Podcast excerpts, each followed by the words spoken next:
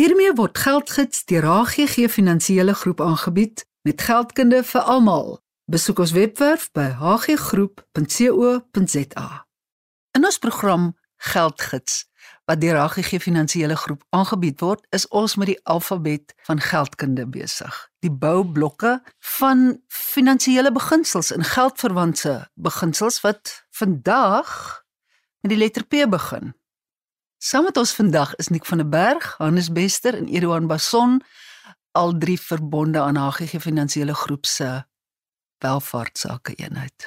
Ons is nou by P in een van die woorde wat met die letter P begin wat ons so dikwels teekom, is proforma Nik. Wat beteken proforma?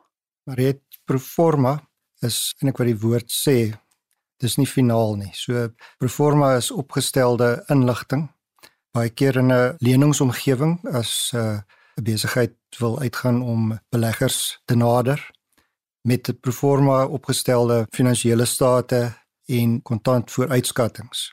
So dit is nie die finale produk nie, maar dit bevat al die terme wat hulle in hulle besigheidsplan ingesluit het. Met ander woorde proforma beteken eintlik voorlopig dan. Voorlopig in ja. praktiese terme. Ons ook dit verder kan uitbrei na proforma faktuur, mm -hmm. proforma kwotasie. Ja. So dit is nie finaal nie. Dis oop vir bespreking en dit moet ooreengekom word deur die partye voordat dit na 'n volgende fase toe sal gaan. Met so, ander woorde, 'n proforma stadium kan nooit as 'n finale stadium beskou word nie. Dis 'n buffertyd totdat alles verfyn en geslyp is en bevestig is. Ja, dis reg so en uh finansiële state ook. As dit op 'n proforma stadium is, is dit nog oop vir bespreking en veranderings waar dit daarna na bespreking en afgeteken is deur die betrokke partye, dan word die performa die finale produk wat dan afgeteken en goedgekeur word. Anders jy dit met proforma in ander gestaltes in gedaantes te doen? Maar het mees bekendste voorbeeld is 'n proforma faktuur.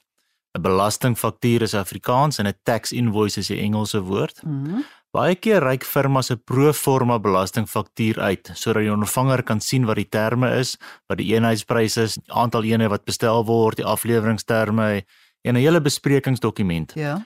Wanneer die kliënt en die diensverskaffer dan ooreenkom oor die terme en hulle is tevrede met die ooreenkoms wat geskik is, sal 'n finale belastingfaktuur of 'n final tax invoice uitgereik raak en dit is dan die dokument wat gebruik word vir die handeling tussen die diensverskaffer en die kliënt.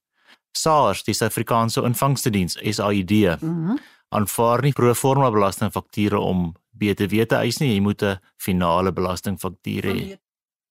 Auditeerders sal 'n stel state opstel in 'n pro forma formaat en dit uitreik aan die kliënt vir 'n bespreking.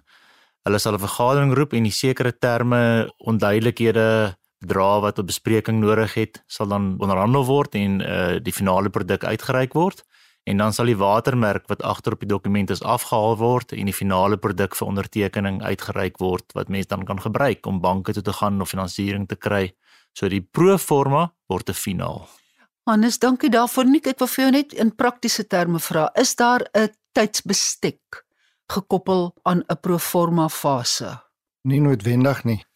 Dit sal nie byvoorbeeld 'n verstrykingstydperk hê soos 'n kwotasie uit 'n leningsomgewing het 'n sekere tydperk vandat die bank die kwotasie vir jou uitreik tot aanvaarding is 5 besigheidsdae. Uit 'n proforma omgewing uit is daar nie 'n spesifieke tydsverloop wat moet nagekom word nie. Hannes in geldterme is daar 'n bedreigende P-woord. Ponzi skemas en piramidefondse. Charles Ponzi wat in Lugo, Italië gebore is, was al in 1920 uitgeslape genoeg om hierdie piramide vorm van 'n geldmaak verkillery uit te dink. Maar jy het heeltemal reg. Die naam Ponzi kom van meneer Charles Ponzi af wat die eerste slenter getrek het.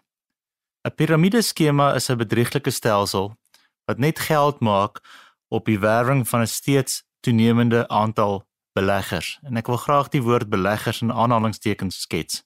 Want dis nie regtig 'n belegging nie. Dis 'n bydrae tot 'n piramideskema of 'n kaartehuis wat enige oomblik kan platval. Maar dit word nooit geadverteer of bekend gestel as ons is besig met 'n piramideskema nie. Dit word as 'n vinnige geldmaak metode geadverteer. Heeltemal korrek. Dis een van die waarskuwings waar mens moet vooruitkyk vir as mens ingelok word om te belê in so 'n skema. Kyk of dit geregistreer is by enige finansiële oorsigtelike liggaam. Soos wat byvoorbeeld? Die Finansiële Dienste Raad, FSCA is die nuwe naam, by 'n bank of dit geregistreer is by die Collective Investment Schemes Act, dis nou die wet op kollektiewe beleggings. Mm as mens so 'n registrasienommer sien, is dit nie 'n Ponzi skema nie. Soos byvoorbeeld as ons nou terugdink in die verlede na Adrian Nieuwoud en die Kibus uh wonderwerk wat voorgehou is. Daar was mense wat gesê het, "Maar kyk, ek het geld gekry. Ek het net verlede week het ek geld gekry." Is dit die mense wat eerste ingekom het? Dis die eensie sukses van so 'n skema dat die tweede en die derde en die vierde en die vyfde laag beleggers in aanhalingstekens betaal die winste van die vorige mense in die skema. So hulle dink dis die belegging wat die opbrengste lewer, maar inderdaad is dit nie die belegging nie, maar die nuwe beleggers in aanhalingstekens wat bydraes maak om winste uit te betaal. So dis nie 'n belegging wat groei nie, dis 'n klomp mense wat bydra om winste uit te lewer. In watter stadium van so 'n piramide stort dit in duie? Kan sommige van hulle vir jare aangaan? Wat is die rakleeftyd van 'n slenterspil? Die lewe van 'n piramideskema word bepaal hoe vinnig hulle uitgevang word. So hoe slimmer die promotor is, die persoon wat dit begin, hoe langer sal so 'n skema duur. Van die skemas het jare geduur en ander word redelik vinnig uitmekaar uitgetrek. So daardie gulde reël wat 'n mens altyd hoor as iets te goed is om waar te wees, dan is dit nie waar nie. Ons het nou reeds genoem te kyk of dit geregistreer is by 'n oorsigtelike liggaam en te goed om waar te wees toets. 'n Verdere toets kan wees is die dringendheid van die verkoopsman. Meneer, mevrou, as jy nie vandag belê nie, is die geleentheid verby. So 'n ding gee vir my dadelik 'n rooi lig en ek weet hier is 'n ding wat heel waarskynlik nie aan die toets van die tyd sal deurstaan nie.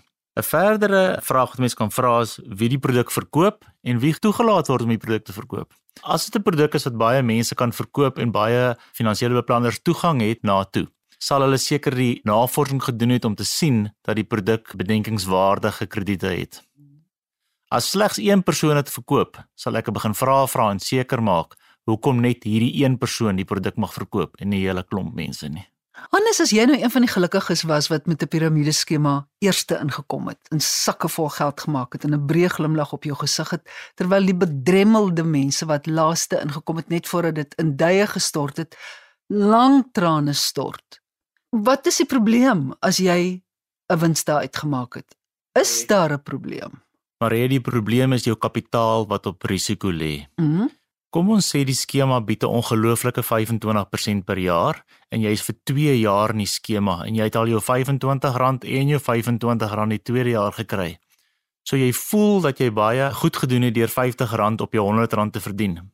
Maar as daai kaarthuis in mekaar sou tuimel, staan jy 'n groot kans om jou R100 ook te verloor. So jou R100 lê onder in daai ineengestorte huis. Nou wel jy vir 'n kort tyd goeie opbrengste gekry het, is jou kapitaal ook op risiko. En dit is die probleem met skemas wat 'n rukkie loop. Mense verloor hulle kapitaal. Dankie Hannes. Edouan, help vir my dat soveel mense al hulle laaste laaste pensioengeldjies, hulle laaste beleggings vir hulle ou dag, hulle geld onder die matras en uit die trommeltjie gaan haal het. En keer op keer op keer in hierdie slaggat in boender.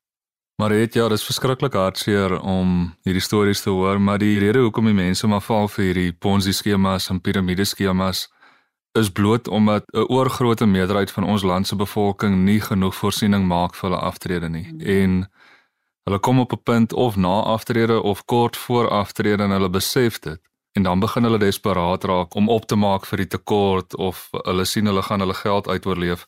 En uit daai desperaatheid wil hulle so graag glo dat die opbrengstes wat hier beloof word geloofwaardig is. En dit is wanneer hulle val vir hierdie ponzi skemas en piramide skemas. Veral wanneer die buurvrou of 'n vriendin by die betaalpunt in 'n kredenierswinkel vir jou sê maar hier is die geld. En jy wil ook mos nie agtergelaat word as almal anderste dan hierdie uitstekende opbrengstes geniet nie.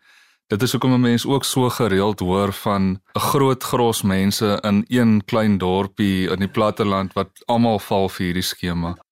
Edouan en Hannes, ek is seker oor hierdie onderwerp sal daar 'n stroom van navraag wees.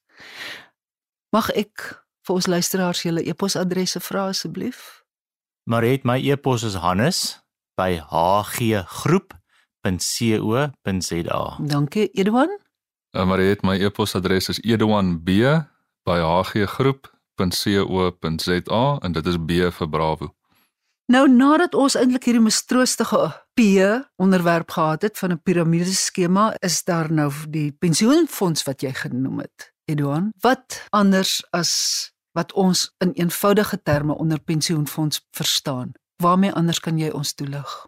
Maar het ons uh, gesels gereeld met kliënte en hulle verwys na hulle aftredevoorsiening as 'n pensioenfonds. Mm Nou daar's 'n wesenlike verskil tussen 'n pensioenfonds en 'n aftreeanniteit of 'n uittreeanniteit. ja. 'n Aftreeanniteit of 'n uittreeanniteit is 'n belegging wat jy in jou persoonlike hoedanigheid in plek sit. Mm om voorsiening te maak vir jou aftrede.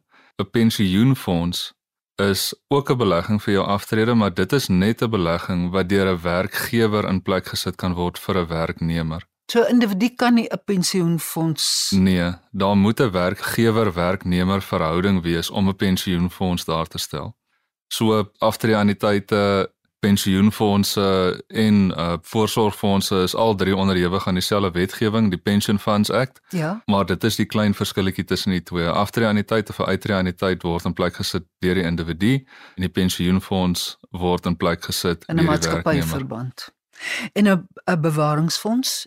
'n Bewaringsfonds, uh, Mariet, is wanneer jy daai verhouding met jou werkgewer verbreek en jy aanbeweeg na 'n ander werkgewer toe of wanneer jy afgedank word, het jy 'n opsie om die kapitaal wat opgebou is in die pensioenfonds of die voorsorgfonds of oor te dra na 'n uh, aftreeanniteit toe of in kontant te laat uitbetaal en dan is daar natuurlik belastingimplikasies of jy kan dit laat oordra na 'n bewaringsfonds toe. En nou sal die luisteraars vir hulle self afvra, hoekom 'n bewaringsfonds of 'n aftreeanniteit? Daar's verskillende reëls wat van toepassing is op die twee. By 'n bewaringsfonds mag jy op een geleentheid in die toekoms 'n onttrekking maak sou jy kontant nodig hê. Ja. Dieselfde belastingimplikasies gaan ook daar wees sou jy 'n kontant uitbetaling geneem het van die pensioenfonds toe jy by jou werknemer weg is. By 'n aftreeanniteit het jy nie toegang tot die kapitaal in daai belegging tot en met ouderdom 55 die jongste nie tensy die kapitaal in jou aftreeanniteit minder as R15000 is. Edouan, by gebrek aan baie geldverwante woorde in Afrikaans onder Q X Y en Z, gaan ons teen die einde van geldalfabet gaan ons vra beantwoord wat ons luisteraars solank vir ons kan instuur. En ons spankundiges sien uit daarna om begrippe toe te lig waarby ons nie in die res van die alfabet uitgekom het nie.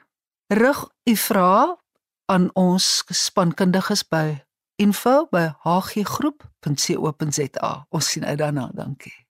Geldgids word geborg deur HGG Finansiële Groep. Kontak ons gerus by info@hggroep.co.za of 021 851 2778. Dit maak nie saak hoe oud jy is nie. Die HGG Finansiële Groep stap die pad saam met jou. As jy meer as die alledaagse verwag vir advies oor omvattende finansiële behoeftes, lewer ons diens wat jou pas. Ons bied innoverende en toekomsgerigte finansiële dienste met die klem op persoonlike kontak. Dis die verhouding tussen ons en jou wat tel. Kontak jou naaste kantoor vandag nog om uit te vind hoe jy die voordele van 'n HGG leefstyl kan geniet. HGG Welvaart is 'n gemagtigde finansiële dienste verskaffer.